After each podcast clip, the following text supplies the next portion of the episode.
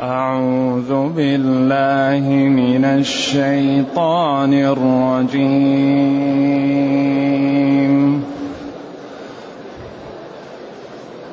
ولما توجه تلقاء مدين قال عسى ربي قال عسى ربي أن يهديني. قال عسى ربي أن يهديني سواء السبيل. ولما ورد ماء مدين وجد عليه وجد عليه أمة من الناس يسقون. ووجد من دونهم امرأتين تذودان. قال ما خطبكما؟ قالتا لا نسقي حتى يصدر الرعاء. قالتا لا نسقي حتى حتى يصدر الرعاء وأبونا شيخ كبير. فسقى لهما ثم تولى إلى الظل. ثم تولى إلى الظل فقال رب إني لما أنزلت فقال رب إني لما أنزلت إلي من خير فقير فجاءته إحداهما تمشي على استحياء. قالت إن أبي يدعوك ليجزيك أجر ما سقيت لنا. فلما جاءه وقص عليه القصص قال لا تخف قال لا تخف نجوت من القوم الظالمين. قالت إحداهما يا أبت استأجره إن خير من استأجرت القوي الأمين. قال إني أريد أن انكحك إحدى ابنتي هاتين. قال إني أريد أن انكحك إحدى ابنتي هاتين على أن تأجرني ثماني حجج. فإن أتممت عشرا فمن عندك وما أريد أن أشق عليك ستجدني إن شاء الله من الصالحين قال ذلك بيني وبينك أيما الأجلين قضيت.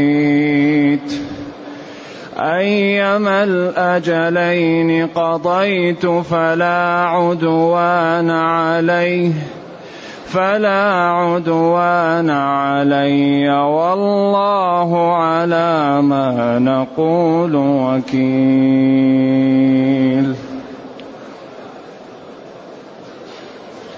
الحمد لله الذي أنزل إلينا اشمل كتاب وأرسل إلينا أفضل الرسل وجعلنا خير أمة أخرجت للناس. فله الحمد وله الشكر على هذه النعم العظيمة والآلاء الجسيمة. والصلاة والسلام على خير خلق الله وعلى آله وأصحابه ومن اهتدى بهداه. أما بعد فإن الله تعالى يبين لطفه بخلقه وبعباده الصالحين وبمن أطاعه فإن موسى لطف به ربه. ثم إنه كانت الأولاد تقتل كيف الله نجاه وكيف رباه في بيت فرعون. ثم إنه لما تآمروا على قتله كيف ذهب ونجاه الله ومشى. فقال جل وعلا ولما توجه تلقاء مدين وحين توجه موسى تلقاء اتجاه مدين وهي مدينة شعيب و مدين التي سميت به المدينة وهو من أبناء يعقوب وموسى بينهم أبناء عمومة. فلما وقع له ما وقع مع فرعون ذهب إلى أهله ليحموه. ذهب إلى مدين. هكذا يقول بعض كتب التفسير في الروايات. توجه تلقاء مدين. جهة مدين وبينها وبين مصر ثمانية أيام ثمانية مراحل. وهو يمشي ولا ماء عنده ولا زاد ولا حذاء. ويطلب. ولا ولا عمرو سافر. والوعد والوضع صعب جدا. وأرسل فرعون العيون.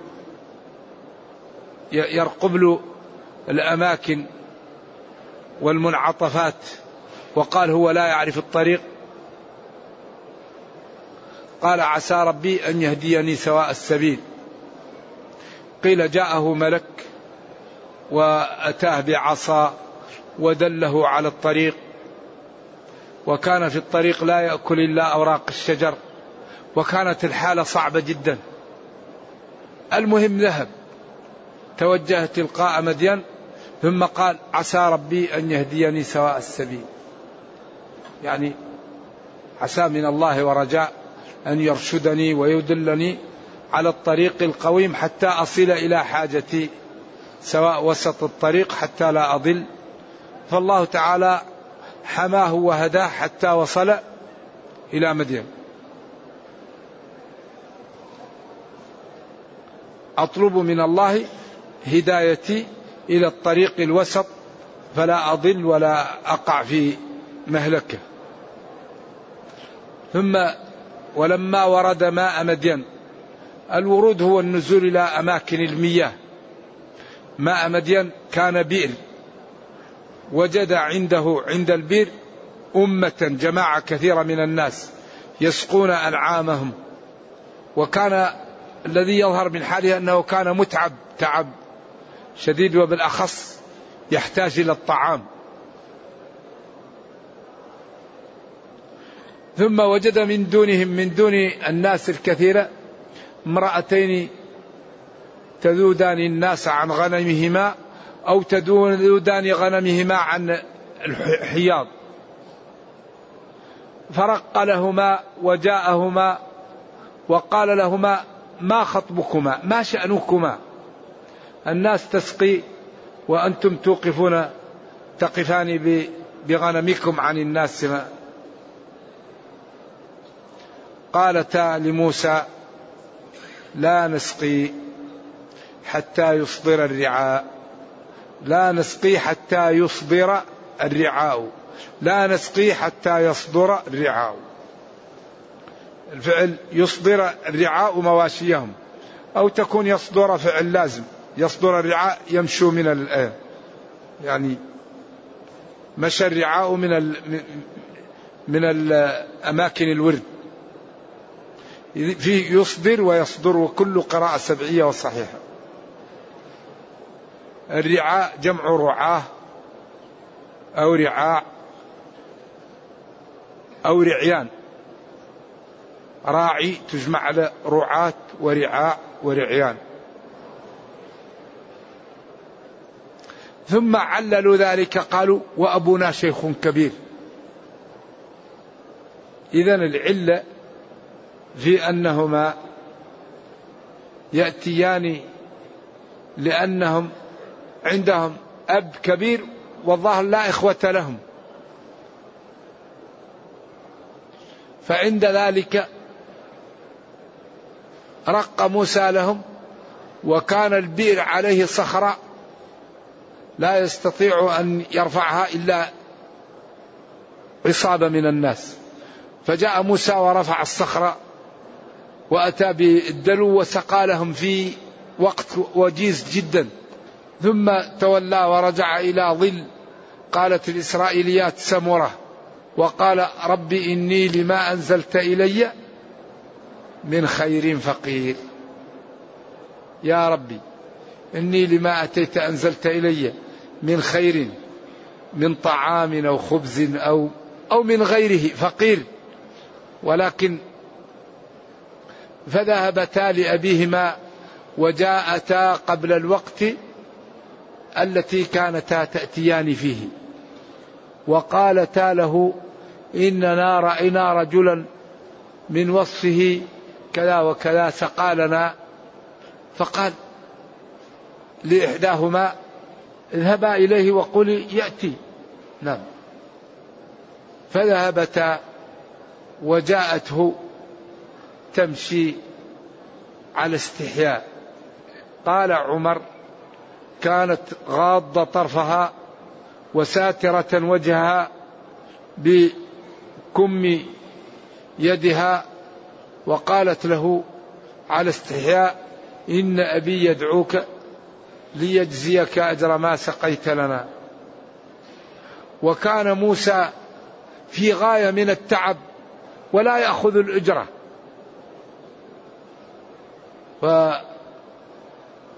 لحاله مشى معها فتقول الإسرائيليات إنه لما رآها قادمة ورآها امرأة غض بصره.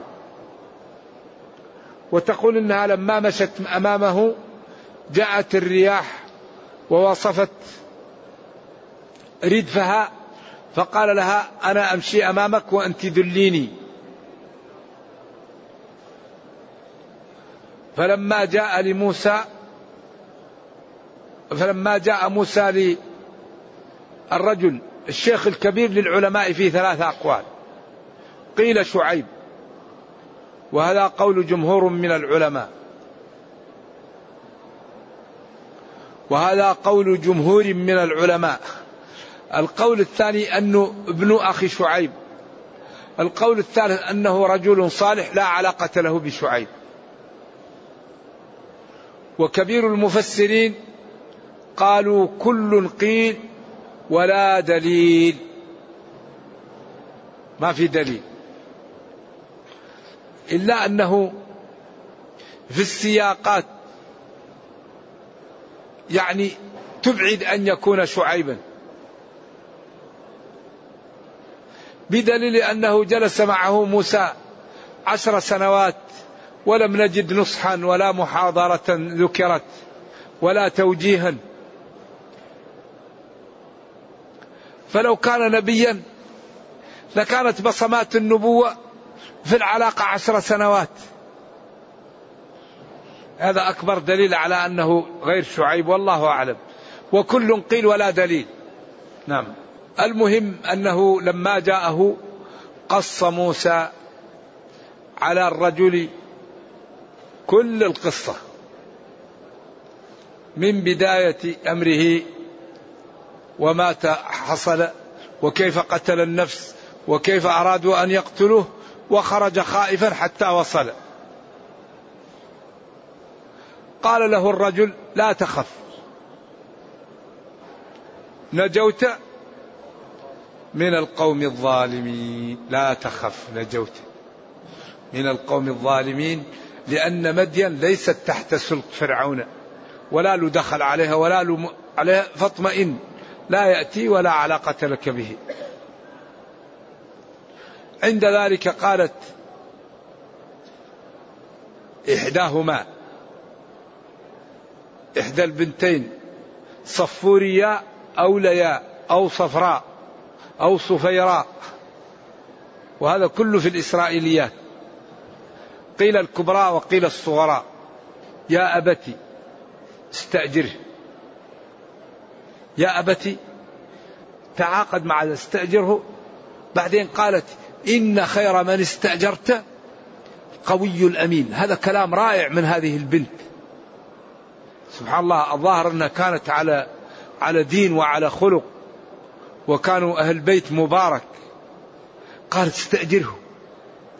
إن خير من استأجرت القوي الأمين عند ذلك الأب وقع في نفسه شيء الولي دائما حريص على إيش؟ على موليته. قال له وكيف عرفت ذلك؟ قالت أما قوته فقد نزع صخرة لا تجمع لا تنزعها إلا مستفيضة. عشرة أو عشرين أو ثلاثين.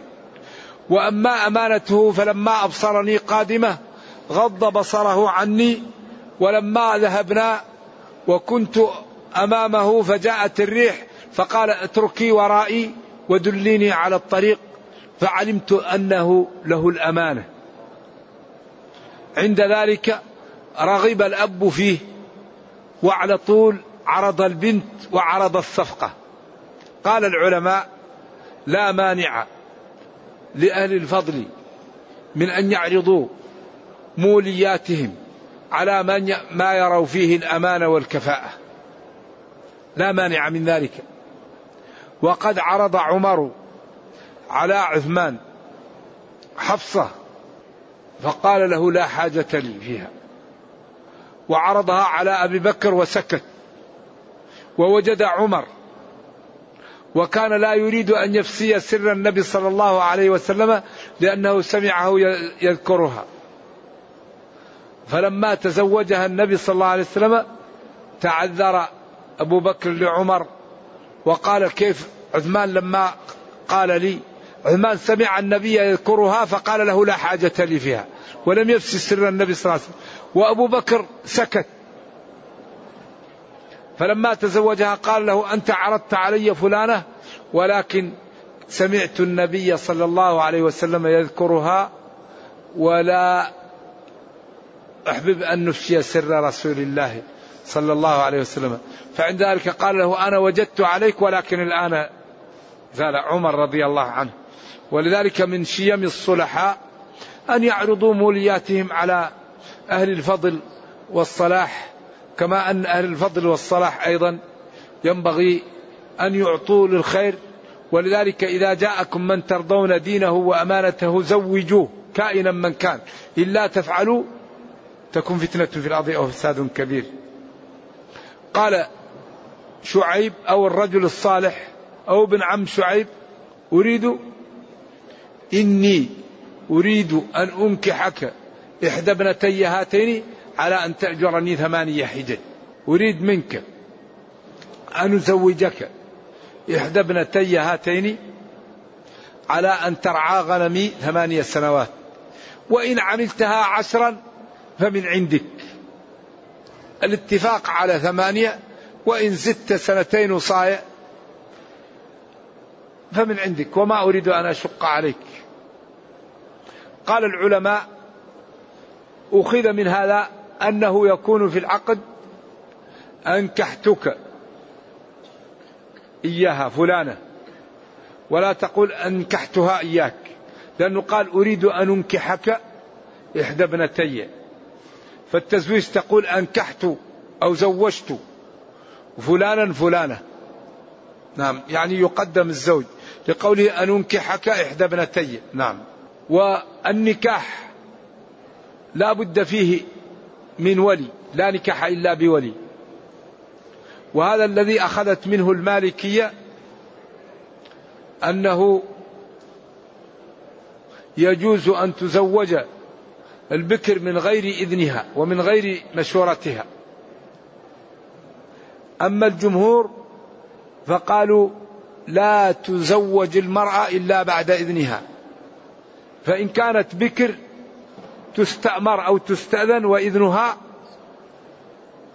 صماتها. وإن كانت كبيرة ثيب أو كبيرة لا بد أن تقول رضيت لا يقبل منها السكوت. تقول قبلت الزواج ولا يجوز لولي أن يزوج موليته على من لا تريد. لا يجوز هذا. لأن هذا سبب في في الضياع. إلا إذا كانت قاصرة. عقلا. كانت قاصرة لا تدرك عقلا أو صغيرة. وكان الزوج يعني فيه صالح لها صاحب دين وصاحب علم وصاحب مكانة. وإذا لم يزوجها قد تضيع عليها الفرصة وهي لا تدرك يزوجها. أما المرأة إذا كانت عاقلة لا تزوج إلا بإذنها. نعم. ولا بد في النكاح من شهود. شاهدا عدل. ولا بد من الإيجاب والقبول. ولا بد من مهر. فإن لم يعقد المهر فيكون لها مهر نسائها. إذا عقد زوج على امرأة ولم يعقد لها مهر ودخل بها لها مهر المثل. إذا يقول جل وعلا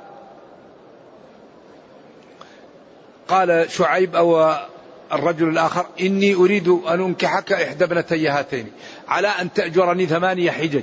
إذا كان الحقيقة مهر كبير لأنه عمل ثماني سنوات. مجهود ثماني سنوات. أيوة فمهر الحقيقة ما هو سهل. فإن أتممت عشرا لكن كان أيضا أعطاه من الغنم وكان قائم عليه. فإن أتممت عشرا فمن عندك. وما أريد أن أشق عليك. ما أريد أن نثقل عليك وأن نحملك ما لا تطيق. نعم. قال موسى للرجل ذلك بيني وبينك. ما قلت بيني وبينك؟ أي الأجلين قضيت؟ ما زائدة. أي الأجلين قضيت فلا عدوان علي كملت ثمانية أو عشر. والله على ما نقول وكيل. والله على ما نقوله وكيل علي وعليك. ولذلك قالوا تزوج الصوراء وكمل له العشر وقيل كمل له عشرا أخرى. ولكن النصوص لا تدل على ذلك. عشرا التي قالها له وعشرا جلسها معه أخرى. ولكن الذي تدل عليه النصوص أنه كمل العشر فقط. في أسئلة نعم. وعند ما انتهى موسى سار بأهله ونكمل القصة إن شاء الله. نرجو الله جل وعلا أن يوفقنا وإياكم لما يحبه ويرضاه وأن يجعلنا جميعا من المتقين. إنه خير مسؤول والقادر على ذلك. وصلى الله وسلم وبارك على نبينا محمد وعلى آله وصحبه والسلام عليكم ورحمة الله وبركاته. يا حبذا لو كانت الأسئلة في الأمور التي يحتاجها الناس في دينهم أو كانت تتعلق بالدرس لأن هذا يكمل الدرس وينفعنا. أما الأسئلة التي لا تتعلق بالدرس ولا يحتاجها الإنسان في دينه فتترك إلى وقت آخر. أكتبه. هذا سائل يسأل كيف من فاتته تكبيرة من تكبيرات صلاة الجنازة؟ كيف يقضيها؟ وجزاكم الله. يعني يقضيها كما يقضي الفائت. اتوا للصلاة وعليكم السكينة. فما أدركتم فصلوا وما فاتكم فأتموا. كبر. ثم اقرأ الفاتحة. ثم كبر. ثم صل على نبينا صلى الله عليه وسلم. ثم كبر. ثم ادعوا للميت. ثم كبر ثم أدعو إن شئت وسلم فإن فاتك شيء فاعمله آه، وكمل ما فاتك. فما أدركتم فصلوا وما فاتكم فأتموا. هذا هو الذي يعمل. فما أدركتم فصلوا وما فاتكم فأتموا. هل كلمة وراء تأتي بمعنى أمام؟ نعم. وراء بمعنى أمام. قال وكان وراءهم ملك يأخذ كل سفينة غصبا أمامهم. ولذلك خرق السفينة. لو كانت وراءهم ما يمر بها. نعم. هل يجوز الدعاء بدعاء موسى عليه السلام؟ ربي إني لما أنزلت إلي من خير فقير. نعم. نعم. ومن آداب الدعاء أن يدعو العبد ربه بالاسم الذي يحتاجه. يقول يا غني اغنني يا كريم اكرمني يا رحيم ارحمني يا تواب تب علي. هذا من أداب الدعاء. يا معلم داود علمني يا مفهم سليمان فهمني. ما حكم من انتسب لغير أبيه؟ الذي ينتسب لغير أبيه هذا خطر شديد. والله هو الرزاق. من انتسب لغير أبيه وهو يعلم فالنار أولى به. ادعوهم لآبائهم. فإن لم تعلموا آباءهم فإخوانكم في الدين ومواليكم. ولا ينبغي للمسلم أن ينتسب لغير آه، والديه لأجل عرض من الدنيا أو طمع. هذا لا ينبغي. وكل إنسان يرزقه الله. والانتساب لغير موالي الإنسان هذا الوعيد الشديد عليه. فلا ينبغي للمسلم أن يفعل ذلك. نعم. هل قراءة الفاتحة تكون قبل الإمام أو مع الإمام أو بعده؟ المهم أنك تقرأ الفاتحة. ولو كان بعد الإمام لا يضر أو في سكتاته أو قبل أن يقرأ. المهم المسلم إذا أراد أن يصلي الفريضة يحاول يقرأ الفاتحة. نعم. ما هو ما الفرق بين الأجر والجزاء؟ الجزاء يعني الأجر هو الجزاء يعني آجره أو أعطاه الأجرة أعطاه جزاءه. ولذلك الجزاء هو الأجرة يعني ما يجازى به الإنسان إلا, إلا أن كلمة جزاء قد تكون عم من الأجرة. ما حكم من يمر أمام المصلين؟ وخاصة في الروضة الشريفة والحرم المكي. ينبغي للمسلم إذا وجد طريقا لا يمر بين يدي المصلي. فإذا لم يجد طريق وكان مضطرا للذهاب وما جعل عليكم في الدين من حرج. وينبغي للمسلم أن لا يصلي في طريق الناس يحرجهم ويؤثمهم. فالذي يصلي في طريق الناس يأثم والذي يمر بين يدي المصلي وله طريق يأثم. وفي وفي غير هذين لا إثم عليه. إنسان ما وجد طريق إلا هذه الطريق لا شيء عليه. وإنسان ما وجد طريق يصلي فيها وصلى لا شيء عليه. لكن لا ينبغي للمسلم أن يصلي في طريق الناس كما أنه لا ينبغي للمسلم أن يمر أمام المصلي وله طريق يمكن أن يمر بها أن يمر بها. ولذلك قال لو يعلم المار بين يدي المصلي ماذا عليه لكان خيرا له أن يقف أربعين. نعم. هذا يقول شعيب عندما زوج موسى لم يكن هناك شهود وما يدريك. هو الله قال لما جاء عند ال عند ال البئر ما قال وجد أمة من الناس يسقون. وهو رجل الظاهر كان من علية القوم معروف. كيف ما ما في شهود؟ لا لا بد من الشهود. يقول ما الإسرائيليات؟ الإسرائيليات الأمور التي تنقل عن أهل الكتاب وبالأخص اليهود. ولذلك قال حدثوا عن بني إسرائيل ولا حرج ومن كذب علي متعمدا فليتبوى مقعده من النار.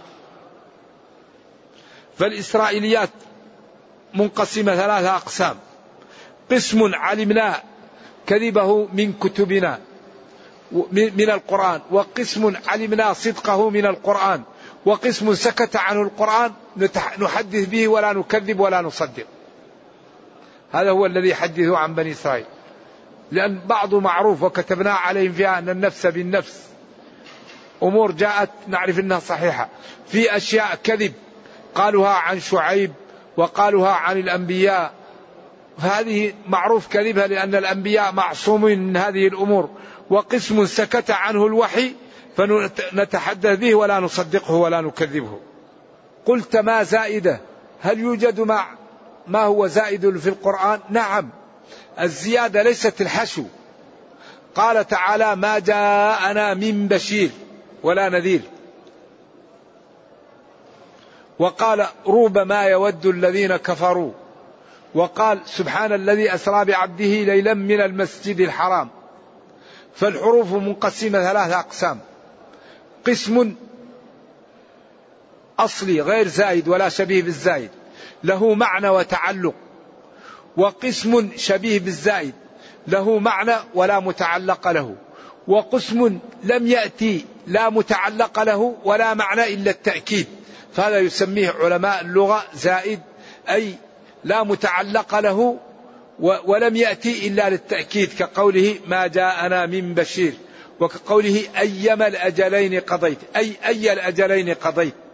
فجاءت بس لتأكيد الكلام وتفخيمه. أما الحشو فلا يكون في كتاب الله. نعم. لا أقسم بهذا البلد. بعضهم قال لا هنا صلة أقسم بهذا البلد. نعم. سجود السهو للمسبوق. إن كان جاءه المشكلة بعد أن انفصل عن الإمام يسجد.